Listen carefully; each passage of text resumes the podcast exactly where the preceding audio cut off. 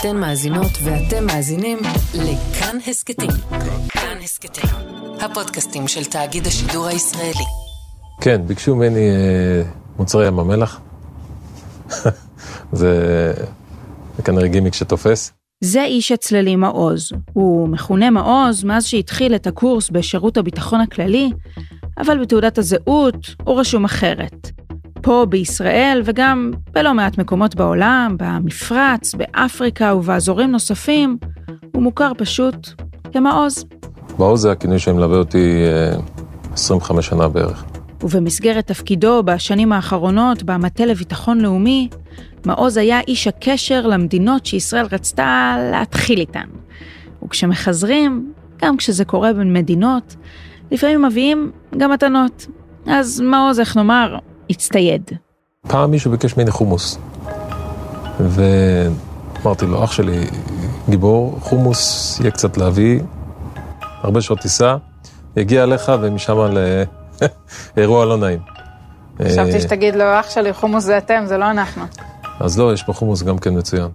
כשהוא אומר מישהו, הכוונה לאנשי קשר, בכירים למדי, במדינות באפריקה או במפרץ, כאן הבן של המלך, שם העוזר של הנשיא, פה היועץ של הסולטן.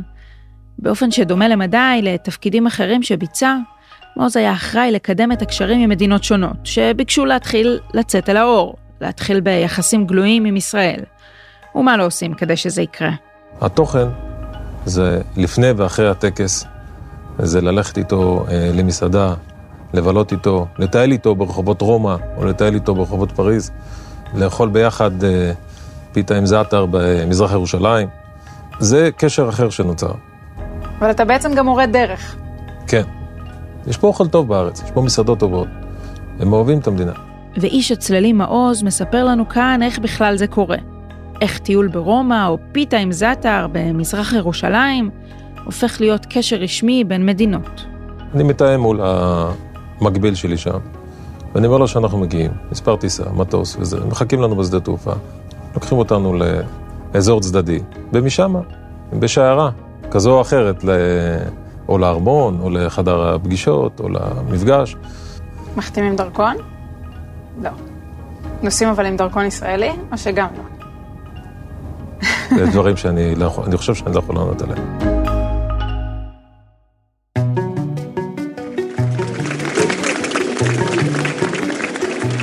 היי, אני גילי כהן ואתם על עוד יום, הסכת האקטואליה של כאן.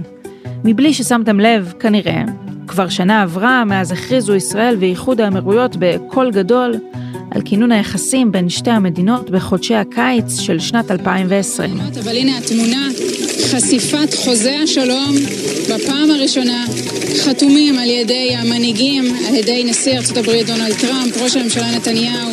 בסדרת כתבות שנשדר השבוע בכאן 11 על מסך הטלוויזיה שלכם, נחזור שנה אחורה, אל מאחורי הקלעים של תהליך השלום הזה של שנות האלפיים.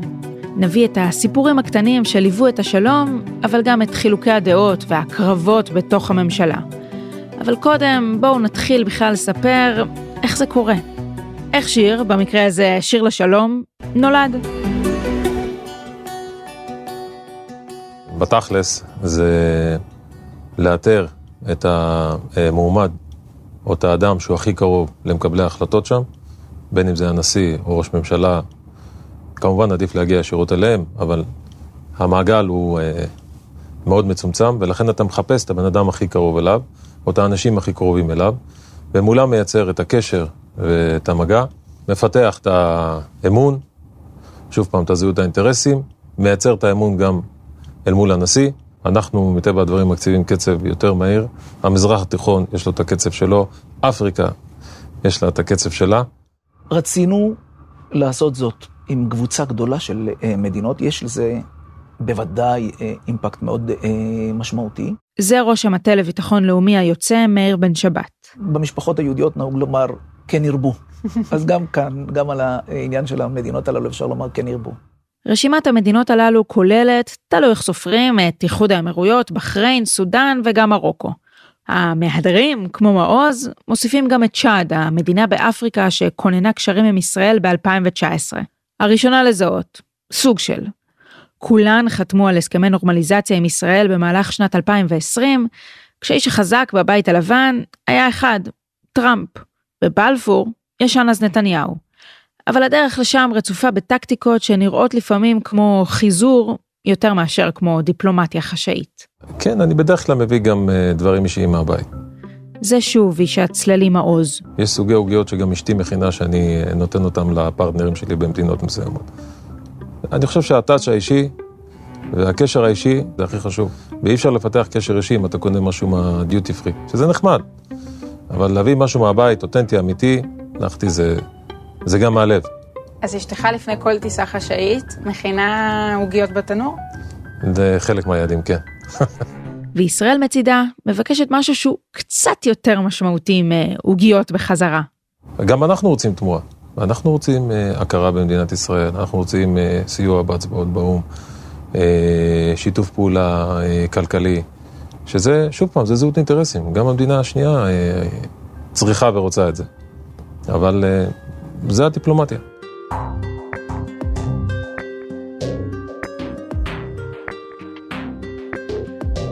אז אני מחזירה אותך לאותו יום חמישי. אתה יודע שההכרזה צפויה לצאת מתי? לא, אני לא יודע שההכרזה צפויה לצאת. זאת האמת.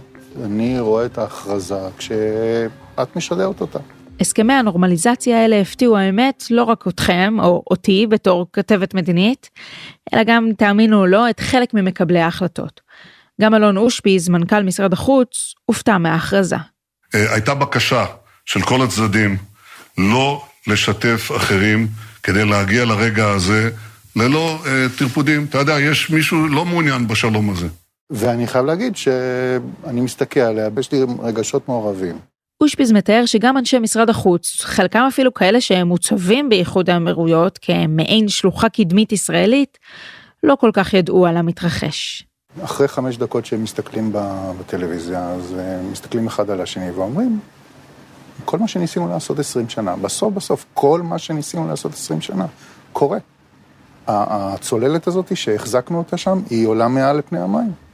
ויש לנו שם אנשים, יש לנו זיכרון ארגוני, יש לנו רשת קשרים, ויש לנו את התשתית, ואנחנו יודעים מה אנחנו רוצים לעשות, ואנחנו יודעים גם מה צריך לעשות, והכי חשוב, יש לנו את היכולת לעשות את זה. אז כן, מנכ"ל משרד החוץ לא ידע על המהלך המדיני הכי גדול שנרקם פה בשנה האחרונה, והאמת היא שהוא ממש לא לבד. גם ראש הממשלה החליפי ושר הביטחון גנץ שמע על כך זמן קצר לפני. זה נעשה בשיחת טלפון, זה אפילו לדעתי בתקופה שהייתי אחרי ניתוח, ואמרתי לו שאני מאוד שמח על הדבר הזה. גנץ מתאר לנו בלקוניות אופיינית שיחה לא ארוכה במיוחד, כמה דקות וזהו, עם ראש הממשלה נתניהו. וכשהוא אומר ניתוח זה כי באותו הזמן הוא התאושש משיקום מניתוח בגבו שעבר בשל פציעה מהשירות הצבאי. גם שר החוץ דאז, גבי אשכנזי, קיבל עדכון רק ברגע האחרון. המהלך המדיני הכי משמעותי של ישראל בשנים האחרונות, משרד החוץ שאמון על התחום הזה מודר ממנו. נכון, אני חושב שזה לא מעיד על אה, משרד החוץ, אני חושב שזה חסר אחריות, זו בחירה של נתניהו. זה מעיד על בלבול מוחלט של מי שעמד אז בראשות הממשלה. בדרך נתניהו השאיר מאחור את מי שהיו אמורים להיות חלק מפרויקט השלום הזה. הסיבה שנתניהו הסתיר, אני חושב, היא אחרת לגמרי. זה עניין של קרדיט ועניין של אה, כל מיני שיקולים לדעתי לא רציניים, שפוגעים בסוף באינטרס הביטחוני הישראלי. אני חושב שזה חוסר אחריות, אני חושב שזה יותר מזה, זה שימוש לרעה בסמכות שיש לה. נתניהו, על כך אין בכלל מחלוקת, היה ממובילי המהלך הזה, מהאנשים ששרטטו את תהליך הנורמליזציה. אבל הוא לא היה לבד. האמת היא שהרוח החיה בכל המהלך הזה, או לפחות בתחילתו, בהסכם עם איחוד האמירויות שיצא לאור באוגוסט שנה שעברה, היה ג'ארד קושנר, יועצו וחתנו של הנשיא טראמפ. קושנר בעצם חתום על המורשת הזו של טראמפ, וגם שלו עצמו. לעשות את מה שלא הצליחו לעשות פה במשך עשורים, להביא שלום למזרח התיכון. באופן שהפתיע אגב לא מעט דיפלומטים, דווקא הממשל הזה, של טראמפ, הצליח להביא להישג מדיני.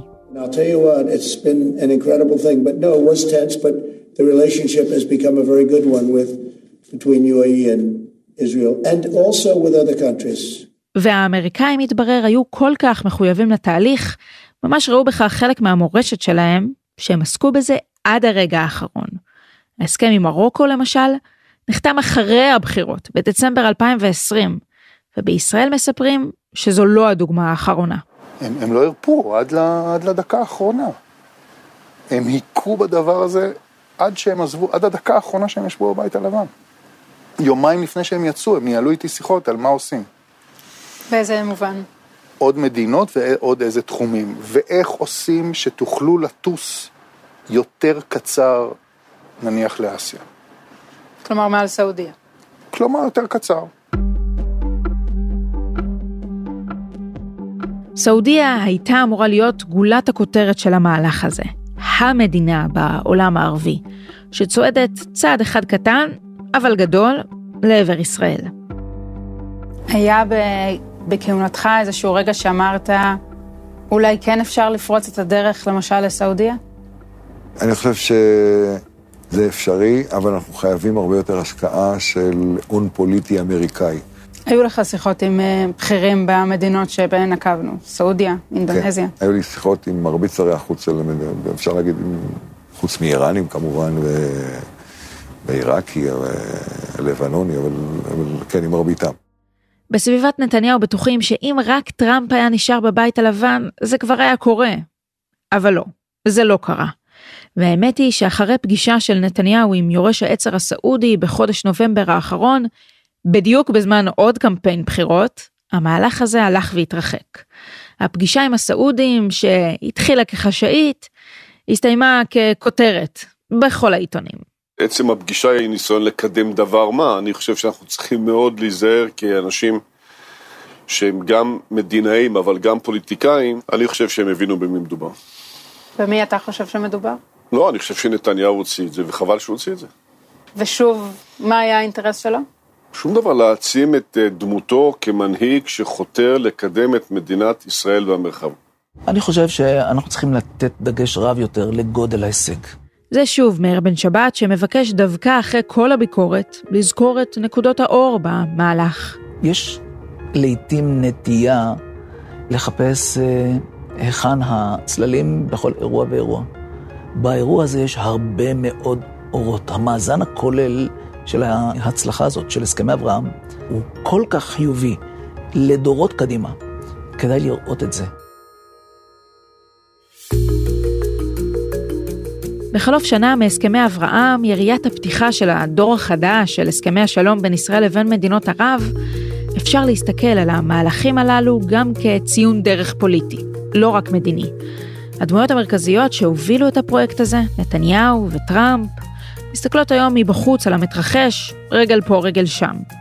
מה שלפעמים הרגיש לאורך הדרך כמו חיזור גורלי, צריך עכשיו לקבל אופי שונה, בוגר יותר, אחרי הטיזינג של תחילת הקשר, הגיע הזמן לדבר במעשים. ולפעמים, המעשים האלה כוללים גם מתנות. מעוז, איש הקשר לאותן מדינות, מצא את עצמו לא רק מעניק מתנות, עוגיות למשל, אלא גם מקבל. והתגובה למתנות הללו מזכירה שבסוף אלו לא רק יחסים בין אנשים, אלא גם בין מדינות. אבל היו סיטואציות מצחיקות. באחת המדינות אני אוהב אננס.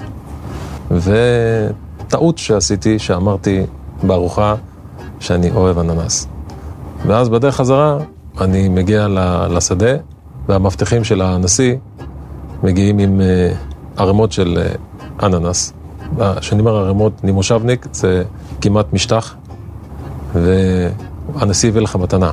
עכשיו, אני, אין לי מטוס פרטי, אני בטיסת קונקשן, אה, אתה לא יכול להכניס את זה לארץ, ותפס אותי בצד. אה, הבחור, אומר לי, אם אתה לא לוקח את זה, המאבטחים שלו פה, זה העלבה הכי גדולה לנשיא.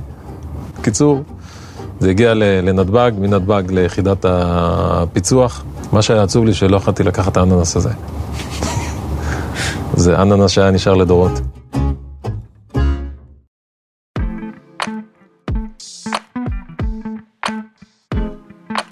האזנתם לפרק של עוד יום, ערכו את הפרק נועה אקסינר וניר גורלי. בצוות מיכל רוזן, עריכת קול ומיקס רחל רפאלי. אם היה לכם מעניין, בואו. הערב ובימים הקרובים תוכלו לשמוע עוד מלא על מאחורי הקלעים של הסכמי הנורמליזציה, כולל סיפורים שאף פעם לא סופרו. חפשו אותנו גם תחת האשטג סודות השלום ברשתות החברתיות. אם יש לכם הערות על מה שאמרנו, אתם מוזמנים ומוזמנות לכתוב בקבוצת הפודקאסטים שלנו כאן הסכתים. תוכלו לכתוב גם בחשבון שלי גילי כהן בפייסבוק או בטוויטר. עדיף בטוויטר. את כל הפרקים שלנו והסכתים נוספים מבית כאן תוכלו למצוא באפליקציית הפודקאסטים האהובה עליכם, באתר שלנו וגם בספוטיפיי. יש לנו גם יישומון רכב חדש, עשו אותנו גם שם. אני גילי כהן, נשתמע.